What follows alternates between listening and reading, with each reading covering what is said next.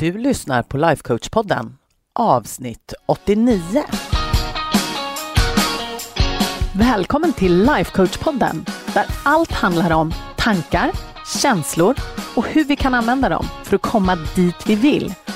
Jag är din guide, författare, projektstartare och certifierad lifecoach, Anna Wallner.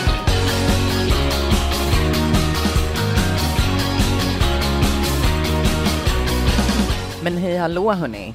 Ni får ursäkta the, the sexy voice. Men eh, jag lyckades få min, min dotters kruppvirus eh, här i veckan och eh, ja, det satte sig på halsen kan man säga. Så även om jag är pigg och mår bra så låter jag ju helt förskräckligt. Men ja, ja, sånt är livet. The show must go on.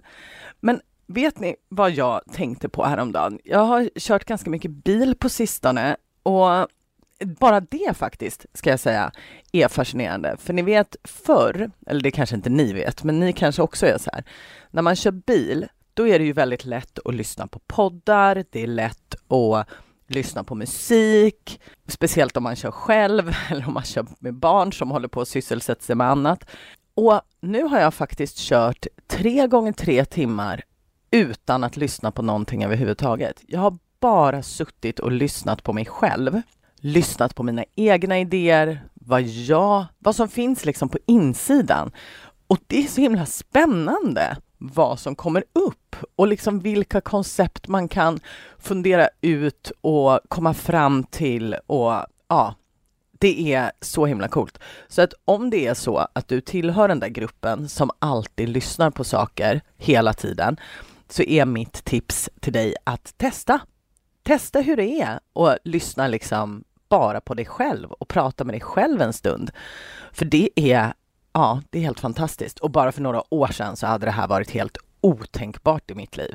Då kunde jag inte ens vara tyst när jag körde med min man, för jag trodde att tystnad på något sätt betydde att det var fel. Det var något som var fel om man inte pratade hela tiden. Men tack och lov så kan jag säga att den, den har också gått över nu, så att nu kan vi ha det tyst, vilket jag tror att Andreas uppskattar väldigt mycket också. Men det jag satt och funderade på nu på den senaste tre timmars körningen som jag hade, det var just det här med våra känslor. Jag satt och tänkte lite på det, liksom hur jag har haft det förr om åren, innan jag hittade det här med coachningen och lärde mig det här med känslor och tankar och hela den biten. Och vilket pris jag faktiskt har betalat för att mina känslor har styrt mig. Och jag satt och funderade lite på det där, för att det är verkligen så här att när vi låter våra känslor styra vårt agerande, och jag kommer komma till det här, eh, liksom hur, hur våra känslor gör det. Men när vi låter oss styras av våra känslor, då får vi inte alltid de resultaten vi vill ha och ibland så får vi betala ett ganska högt pris. Och du som har varit med här på podden förut, du vet ju att det är så att våra känslor, det är det liksom som är våra drivmedel. Våra hjärnor är ju skapade att agera på våra känslor. Det är det som har hållit oss vid liv, eller hur? Så vi är ute efter positiva känslor, att få känna positiva känslor och vi vill jättegärna undvika negativa känslor. Och det är hela tiden de här känslorna som fungerar som bränsle. Och när vi kan lära oss att styra dem och faktiskt producera de här känslorna med flit, då blir ju allting väldigt mycket lättare. Men de flesta av oss är inte i den sitsen. Och det var definitivt inte jag i alla fall. Jag hade ingen aning om att jag kunde styra mina känslor och jag hade heller ingen aning om att mina känslor egentligen styrde mig. Men det blir ganska uppenbart när man tittar på det. Nej, men jag tänker bara på det här med priset vi betalar. Vi betalar ju med relationerna vi vill ha. Vi betalar med de föräldrarna vi vill vara. Vi betalar med förändringarna vi vill skapa, målen vi vill nå, kropparna vi vill leva i. Alltså så himla mycket. Och lägger man ihop allt det här så blir priset väldigt, väldigt, väldigt högt om vi inte är uppmärksamma. För då liksom driver våra känslor oss in i olika beteenden som vi inte gillar och handlingar som vi kanske egentligen inte hade tänkt. Och om du känner dig lite bortkollrad nu, vilket jag kan förstå, så låt mig ta ett exempel då. Um, om vi tar relationer först och främst. Så säg då att saker och ting i din relation, det finns saker som du stör dig på. Så du kanske går runt och är besviken. Eller du kanske går runt och är irriterad. Och när du har en besvikelse eller en irritation som driver dig i din relation, har du funderat på hur du beter dig då? Jag antar att du någon gång har känt dig besviken eller irriterad i din relation, annars så hade det varit jätteförvånande. Så jag vet inte hur du brukar göra, eller brukade göra, men eh, jag vet i alla fall att när jag känner mig irriterad och besviken i min relation, om vi nu till exempel, nu hänger jag ut min och Andreas relation, men hur det brukade vara förr, när jag kände mig besviken, då brukade jag vara så här, ja nej men det är inget. Och så blev jag liksom lite passivt, passivt eh, aggressiv kanske. Och så håller man distans, eller man, jag gjorde det i alla fall. Och jag liksom sökte inte närhet, jag sa inte som det var. Jag blev liksom stingslig. Och alla de här sakerna kommer ju ifrån känslan av besvikelse. Sen så vart besvikelsen kommer ifrån, det berodde ju på att jag tänkte att ja, han borde ha gjort A, B, C, D. Nu gjorde han inte det. Han borde kunna läsa mina tankar utan att jag har sagt något. Ni vet allt det här gamla klassiska som ändå är, åtminstone var sant i mitt liv. Men det är ju besvikelsen eller irritationen som gör att jag beter mig på det här sättet. Att jag inte säger något, att jag liksom blir lite passivt aggressiv och att jag säger nej, ja, nej men om du älskade mig då skulle du minsann veta. Ja men ni vet lite den där biten. Och vad händer liksom då i relationen när jag låter den här besvikelsen eller irritationen driva mig? Jo, det skapar ju mer distans i relationen. Och det är ju inte det jag vill ha långsiktigt. Eller hur? Långsiktigt så vill ju jag ha en fantastisk och nära och kärleksfull relation. Besvikelse och irritation hjälper mig inte att skaffa det. Så att när jag blev medveten om det här och jag blev medveten om hur mina, min irritation och min besvikelse eller vad det nu kan tänkas vara för negativa känslor spelade ut i min relation och vilka resultat det faktiskt skapade så blev jag väldigt påpasslig. Så så fort jag kände mig besviken eller irriterad eller någonting så frågade jag mig själv liksom, är det här värt det? Vill jag ha det så här? För jag säger inte att man inte får vara besviken. Det är klart att man får vara det. Eller irriterad. Men det är en väldigt stor skillnad att vara besviken och irriterad och vara medveten om vad man håller på med än att bara gå runt i ullstrumporna och liksom tjorva på i den här besvikelsen och irritationen. För det kan, det kan bli jävligt dålig stämning kan vi bara säga. Och om vi tar ett annat exempel då, jag har några till exempel faktiskt för att göra det lite extra tydligt. Om vi tittar på för, oss som är föräldrar, så jag, vet, jag, känner inte någon förälder som inte har känt eh, stark irritation över att barnen kanske inte riktigt beter sig som man hade tänkt sig, eller hur? Men när vi låter den här irritationen driva oss, vad händer då? Hur agerar vi då? Ja, jag i alla fall, jag blir ganska så här eh, kort i tonen jag höjer rösten, jag domderar runt ganska mycket. Jag, jag lyssnar liksom inte riktigt på barnen utan jag stänger liksom av och jag stressar på. Och jag ser inte barnen och jag fokuserar liksom kanske inte på dem och jag forcerar ganska mycket. Och det här är ju definitivt inte en sån mamma jag vill vara. Men när jag känner den här irritationen, då blir jag det. När jag låter irritationen styra mig, då blir jag kort i tonen och irriterad och jag har svårt att lyssna och jag stänger av. Det är ju den här irritationen som driver mig i det. Och när jag blev uppmärksam på det så kunde jag ju så här, aha, irritation får mig inte dit jag vill vara som en mamma. Jag vill vara lyssnande, jag vill vara förstående. Det är inte det att jag är en perfekt mamma på något sätt och aldrig blir irriterad. Det är klart att jag blir det. Men den stora skillnaden nu, det är att när jag blir irriterad så vet jag vad jag håller på med. Och jag vet vilka konsekvenser det får för mig i min mammaroll. Nu blandar jag inte ens in barnen och deras, hur de tolkar mig, för det är klart att de tolkar mig annorlunda om jag är en irriterad mamma eller om jag är en lugn mamma. Men alla mammor är irriterade och lugnade vid något tillfälle liksom, så det är väl inget konstigt med det. Men nu pratar jag om den relationen som jag har till min mammaroll.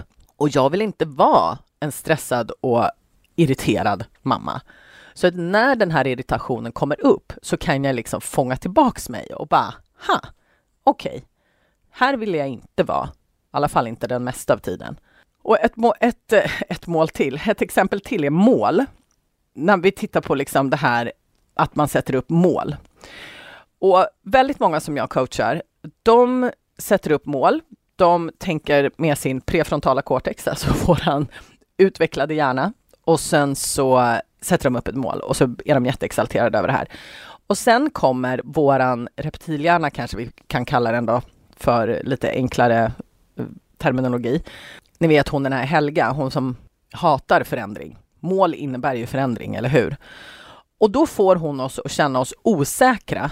Och när vi känner oss osäkra i förhållande till våra mål, vad händer då? Jo, vi testar inte allt. Till exempel, vi skulle kunna testa. Vi släpper inte sargen. Vi vågar inte satsa.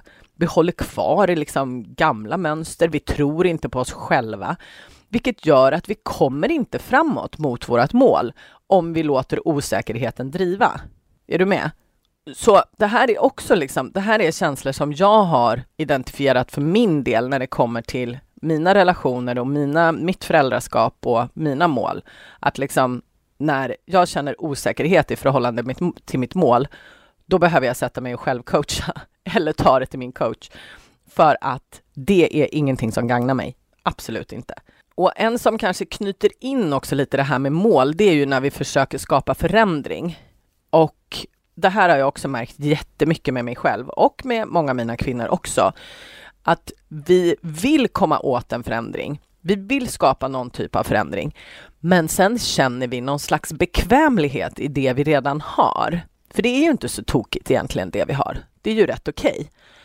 Och när vi känner den här bekvämligheten, det kan vara en ganska trixig känsla, åtminstone för mig, att få tag på. Vissa tycker att det är hur enkelt som helst, men för mig är det lite svårt att känna just den här bekvämligheten ibland. Men när vi känner den, vad gör vi då? Då prioriterar vi vad vi vill nu före vad vi vill helst. Jag säger det en gång till. För när vi känner oss bekväma, då prioriterar vi det som vi vill nu istället för det som vi vill helst. Och sen så intalar vi oss själva liksom att nej, men det där som vi kanske vill, det kanske inte är så himla viktigt och så hittar vi på ursäkter och sen så liksom gillar vi läget och så är vi liksom kvar där vi är nu. Och det skapar ju inte den förändringen som vi är ute efter långsiktigt, eller hur? Och den är så jäkla sneaky den här bekvämligheten alltså. Och just också det här, nu i november, när du lyssnar på det här nu, eller det kanske, det, kanske du lyssnar på det här senare förstås, men första november 2022, då släpper jag ju en kurs in i medlemskapet som handlar om hur man slutar överäta. Och det här, den förändringen, där kommer också den här bekvämligheten in. Man vet liksom vad man har, man vet inte vad man får. Och det är så himla kontraproduktivt. För när vi försöker att sluta överäta, vi bestämmer oss för att sluta överäta, så finns det så många av de här negativa känslorna som kastar oss tillbaka på ruta ett. Så det är väldigt mycket sånt vi kommer gå igenom också i november, just för att kunna hantera våra känslor. För det är ju känslorna som driver oss. Och vill vi skapa förändring och liksom styra våra liv dit vi vill, då måste vi ju lära oss att hantera våra känslor. Jag skulle säga så här, det är väl fem saker som vi behöver lära oss. Vi behöver lära oss att inte agera på våra känslor. Vi behöver lära oss att känna våra känslor. Alltså, vi behöver lära känna dem. Ungefär som att de är liksom personer, kan man säga. Och vi behöver lära oss att processa dem. Sen måste vi också lära oss vad som är orsak till dem. För när vi lär oss vad som är orsak till dem, då kan vi också lära oss att styra dem. Så att de här fem sakerna, det är att vi ska inte agera på dem, vi ska lära känna dem, vi ska processa dem, vi ska veta vad som är orsak till dem och vi ska lära oss att styra dem. För det som är så himla coolt, det är att när vi kan det, när vi kan alla de här sakerna, då kan vi minimera de här oönskade resultaten. Det vill säga att vi agerar på känslor som inte gagnar oss. Då kan vi liksom stoppa oss mitt i allt agerande och vara så här, haha, vänta nu, det var ju det här jag inte ville göra, eller hur? Och så kan vi stoppa oss själva och så kan vi vända skutan. Och vi kan ju också lära oss att producera känslor som vi behöver som bränsle för att skapa det vi vill liksom med flit. Så de här liksom fem grundgrejerna som vi behöver lära oss när det kommer till känslor, de är key om vi ska skapa det, den förändringen vi vill ha. Och just det här att stoppa och inte agera på våra känslor som är den här första, det är ju första steget. Att verkligen kunna så här, identifiera känslan och bara så här, nej, den här känslan gagnar mig inte. Och det kan vi ju först göra när vi faktiskt har lärt känna våra känslobibliotek. När vi vet liksom att, ja men okej, den här känslan känns så här. Den brukar komma upp i de här sammanhangen. Jag vet att det är det här som triggar den. Den kommer när jag tänker sådana här saker. När vi lär känna de här känslorna, då kan vi liksom vara mera påpassliga och stoppa oss själva innan vi faktiskt bara agerar på dem och skapar de här resultaten som vi inte vill ha. Och sen också den här, den här förmågan att kunna processa sina känslor. Det är också någonting som vi kommer göra jättemycket nu i november. Att liksom låta känslan vara i kroppen och lämna oss och inte lägga så mycket värdering i den. Utan liksom, okej, okay, det är bara en känsla. Den kan vara här. Jag kan processa den. Det är så himla bra. När man kan göra det, alltså då blir man ju helt ostoppbar. För det värsta som kan hända är trots allt en känsla. Och när vi vet att vi inte behöver agera på dem, så ja, det är ju, jag säger det så himla ofta, men det är en game changer. Verkligen. Det är jättemånga som också är så här, men känslor, det är så fluffigt. Det är väl inte så himla viktigt det där med känslor. Du, känslor är det absolut viktigaste av allt. För det är det som driver oss i allt. Och när vi kan lära oss att styra dem och inte agera på dem så blir det en helt annan spelplan. En helt annan spelplan. Så det var vad jag ville prata lite mer om idag. Just det här liksom, fundera på.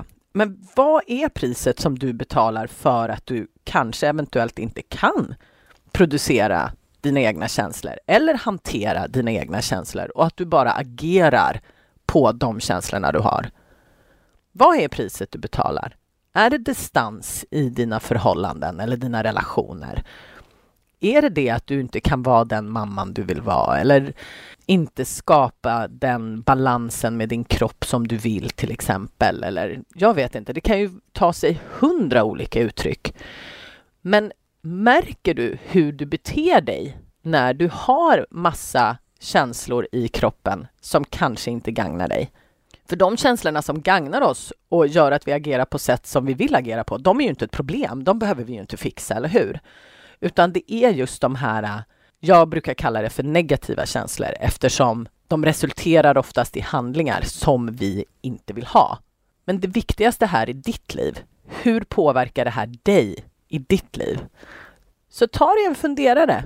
Hur skulle det gagna dig att kunna hantera dina känslor och bestämma vad du vill känna med flit och processa känslorna så att du inte agerar på dem.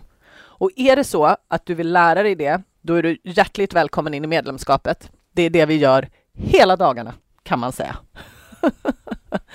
och det är verkligen en game changer. Jag är så himla glad över att jag får följa alla kvinnorna inne i medlemskapet och all förändring som de skapar. Det är helt otroligt och jag skulle så gärna vilja ha dig där inne också, såklart.